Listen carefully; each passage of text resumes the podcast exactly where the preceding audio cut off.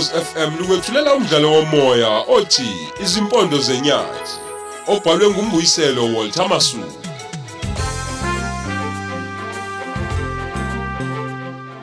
Nasi isiqephu seshumi nomuvo.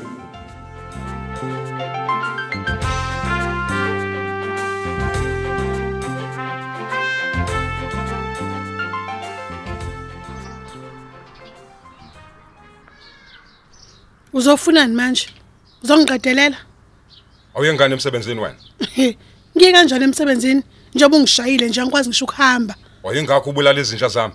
Ngibulala izinja zakho. Uyasithukisa. Hayibo. Usenza umuntu ongazi kanti wena nje uzibulele wazi kahle. Umthetho wakho ukhuluma ngani? Zefile izinja zami. Kusekuseni zifile. Manje bakutshela ukuthi ibulawe yimina. Ngifuna ukwazi ukuthi uzibulaleleni izinja zami dodi. Ehe, wemuntu. Uyabona njengoba ngilele phansi nje ngingakwazi ngisho ukuvuka. Angeke ngisho emsebenzini ngenxa yakho. Uyasenzisa. Manje ke mina izinja zakho ngibulale kuphi nini kanjani? Owubani osibulele? Angazi. Angazi mina, angazi usibulawa ubani, kodwa ngifuna ukukutshena kona ukuthi lo oyibulele ngimshayela izandla, wenza into encomekayo, wenza into Utheni Mashanga? Utheni? Ngisho njalo ngithi iyancomeka into ayenzile. Hawu benze kahle bayibulala izinja zakho, ngoba izona ezisilumayo engizihlumisa ngazo, benze kahle Ah shut bayibulala. up man dodi kuyakujabulisa ukufa kwezinja zami. Eh, Ha? eh. Uyazi ukuthi mina ngeke ngakuphinda futhi ngikushaya. Bese ngikuxosha lapha eplazini lami. Hey, uyazini mnumzane, Ah. angisanendaba. Angisathinteki shame. Yabo, noma ungangibulala kulungile. Kudala vele wangaqala. ngiyaphipha Umthetho kwaqondo. wakho ufunani kumina? Ufunani Ngifuna mina? ukwazi ukuthi ubani obulala izinja zami. Ngixabane nawe. Be- Bese kuseni kusizinja zami sezifile. Manje ucabanga ukuthi ibulawa yimina? Uma ngingawena ke zibulawa ubani? Hayibo ufuna ngithini? Ngikutshenile ukuthi angazi. Uma ngiye ngathola ukuthi wena obulala izinja zami, uyobona into ongakazi uyibone. Yokujangisa amabele enyoka. Uya- Uyangizwa ukuthi ngithini kuwena?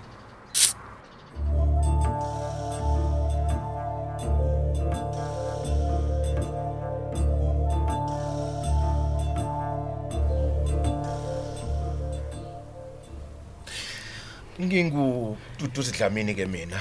Lona enginaye lapha ke eh, uthokozane Mungwe. Sisemeza naye lolu daba lokubuyisa komhlaba kubantu. Aw, aw, ngiyajabula ukunazi bahlonishwa bami. Phela. Cha ngiyabonga ukuthi ufike impela uzosibona lapha eofisini. Sengike ngezwa ke ngenhlangano yenu ukuthi cha yilo labasebenzi nabahlali balapha emaplazini. Aw, kunjalo nje, kunjalo sibalikho. Hey, nokho senzima isimo sabasebenzi nabahlali basemaplazini lapha eSouth Africa. Namanje nje abantu bakithi Eh uqinisile mfowethu, abantu bakithi abahlala emaplazini basebenza kanzima. Kuwona futhi badonsa kanzima. Basashawa, basabulawa amabhuna asemaplazini, liqede lingaboshwa ngisho ukuboshwa ibhunu leli.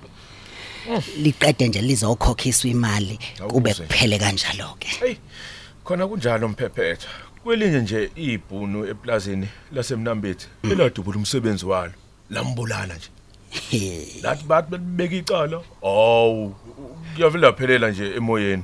He, uyabona namanje mangethe lelo cala likaze nje leqolo Uyezwa? into eyenzeka ngo kwakuyimupho nyaka 2011 he futhi ngiyabona ukuthi impela leli cala lavele lanyathelwa nje Hayi, bavele yabona- balithatha balifaka ngaphasi kwa carpet Sizazi kahle zonke lezo igemegeme mfowethu. awu kanti umani zazi lezi zinto ni umnyango yini enikwenzayo ukuvikela umphakathi wakithi?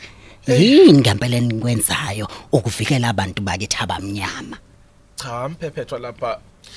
Sinohlelo lapha lokubuyisa umhlaba ngokuthengela abantu bakithi abahlala besebenza emaplazini. Ukuze kube owabo amaplazi.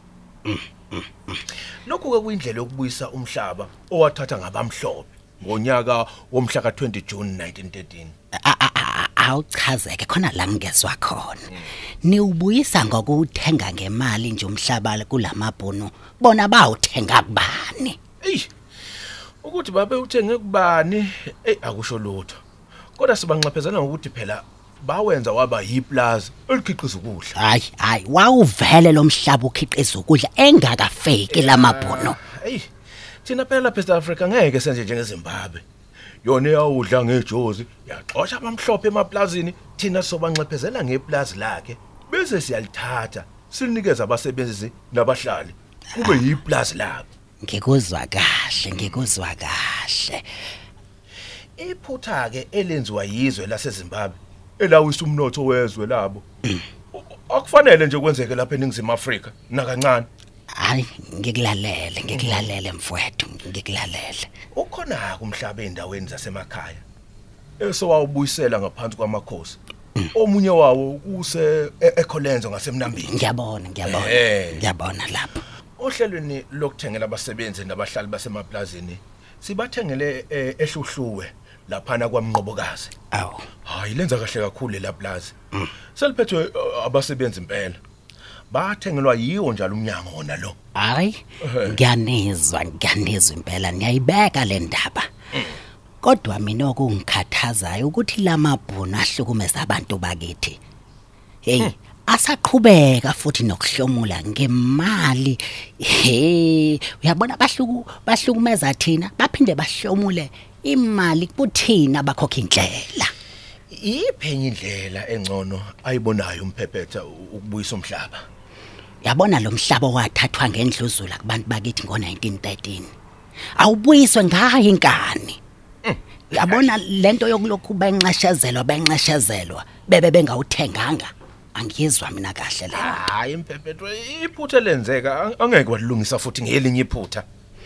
Awu mina ngokwazi kwami ngazi ukuthi kuyicala ukuthenga into entshontshiwe esigebengwini ngoba iyakwandisa ubugebengu leyo nto. Cha mphephetha i- iSouth Africa yethu ibuswa umthetho sisekelo ongakuvumeli nje u- u- ukubandlulula ngebala ubulili nangolimi nje olukhulumayo.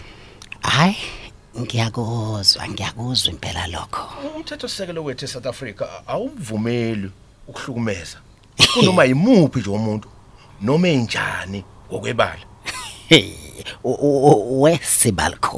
u- u- u- wesibalikhulu abantu bakithi laba ba- abahlukunyezwe emaplazini mihla namalanga.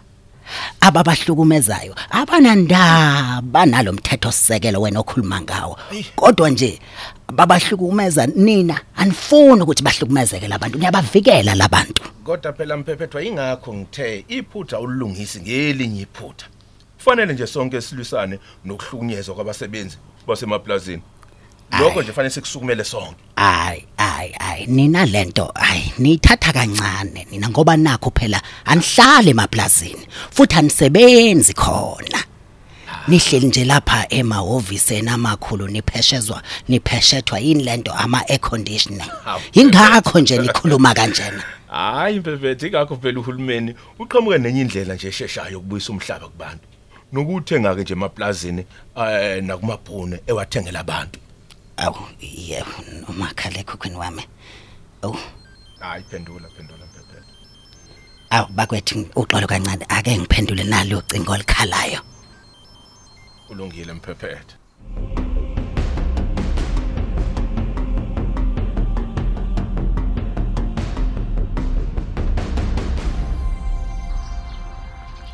awuzweke. Sengiyivalile iwindmill yami. Ewaphakela amanzi lamagqaba abulala izinja zami. Ngifuna ukubazwisa ubuhlungu abangizwise bona ngezinja zami. Ngivula uma sebengitshelile ukuthi ubani obulala izinja zami? Bengicabanga ukuthi umashange hayi akuyena. Akakwazi kwakhamba ngimshaya impela. Abantu engibasolayo ilaba babili esibalumile umthembeni nomthaphuzi uma bengamlethi lo muntu ushaye obulala izinja zami. Bazohlala bengenamanzi isikhathi eside. Ngizwavala undendende lesikhathi yazi ngibenzela umusa ngibanika amanzi ami mahala. Bona babulala izinja zami. Domkophi yolwabishi.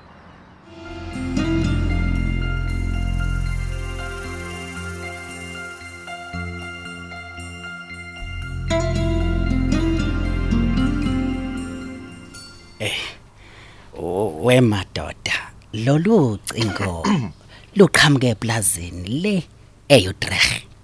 Awu konje kukuphi lapho e- eUtrecht? He, indawo nje ephakathi kwe kweFreiheit neNewcastle lapho ubandlululo lusadla umunyo noma sesineminyaka engu28 sikhululekile madoda. Usengiyayibona lo ndawo. Uyazi sake saya khona siyoxazulula inkinga yomnikazi weplaza. Ongengafuni nje ukuba kuncwadi umsebenzi owayesebenzele eplazini lakhe. Etha akafune mathuna nje eplazini lakhe yena. U- u- uyayikhumbula kanti leyo ndaba umuntu owaduva inyanga yonke emakhazeni kahulumeni ibhunu lishanga onyawo phansi lithi nje angeke angcatshwe eplazini Eh ngikhumbula kahle mphephetho. Ngangikhona nami lapho. he yabona ke njengamanje ngithola ucingo luthi ibhunu selivele lashisa umuzi womuntu owakhe eplazini Lushiselani manje umuzi womuntu ibhunu? anganele amabhuneni wavikelayo ahlukumeza abantu bakithi Hayi mphephetho cha cha cha asiwafikeli nje amabhunda kancane. Kodwa umthetho sisekelo wezwe solandelayo. hayi nalo izwe lethu phela lilandela umthetho wenhlangano yezizwe Hawu. ngoba nxa sengenza nje njengeZimbabwe singakhishwa inyumbazane ngamanye amazwe omhlaba sintsinywa ngi- even ezomnotho baba. Nakho ke nakho phela manje sekuvele kwashiswa umuzi womuntu omnyama ohluphekayo eplazini. Kwenziwe njani? Khulumani phela madoda. Kuzofanele sithinta umasipala wakhona lapha eUtrecht ukuthi uyolekelela phela lo yamndeni ngendawo yokufihla ekhanda. Sizongenelela ke kuleli yaplazi ngokukhulu nje ukusheshsha kufanele silithathe nje impela selinikeza abantu abamnyama. Umnikazi walo sesobona semnxephezela nanoma yipi imali ke esinayo. Uyabona E- e- bese ke siyalithatha silinika abantu abamnyama aphume nje neplazini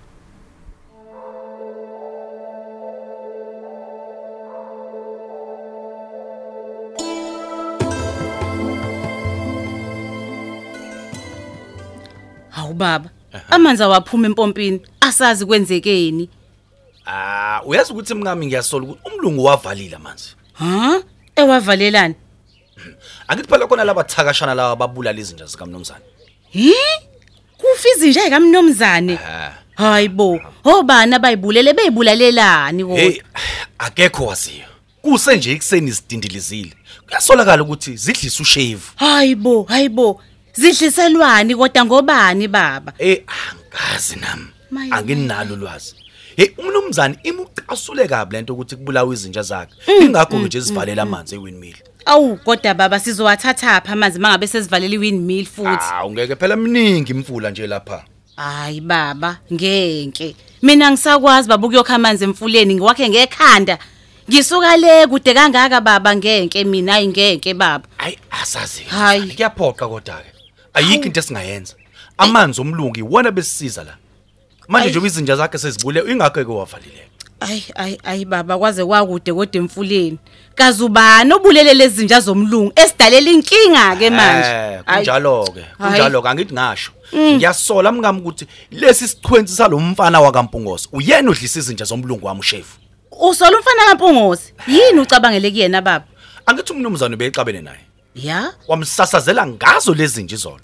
Okungenzeka ukuthi uyasiphiniselela ngokuthi ayidlisa ushefu. Kodwa baba zamsasazele nje yene benzeni ba? Hayi ngeke. Eh eh, uyahlupha lo mfana wakampungoso mngami. Usho nje? uyahlupha lo mfana wakampungose lapha eplazini uyadelela unenkani uzitshela Eh. ukuthi uyisiqhwaga yile nsanga abayiphafuzayo Ah uyabona ke baba isho liphinde ngempela ke lelo. Ngiya ngimbone nami lo mfanishe ehamba nje baba uthi hayibo. Akayikhohliwe lo mfanise into enkulu nje la eplazini yena. eh ngizocela ke wemazwana ukuthi ungisizeke ulungise igubhe embili sizohamba ke thina siyokukha Hawu, hayi kulungile hlabangani. Hey, kodwa ke phela baba kumele usincengile phela kumnumzana ukuthi hayibo akazivulela eh amanzi. eh eh, eh umlungu wami uthe uzowavula kuphela nje mase etholile ukuthi ubani lobulela izinja zakhe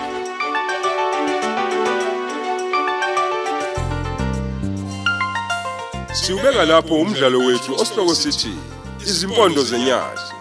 Qinisekisa ungaphuthelwa isiqephu esilandelayo ukhozi FM.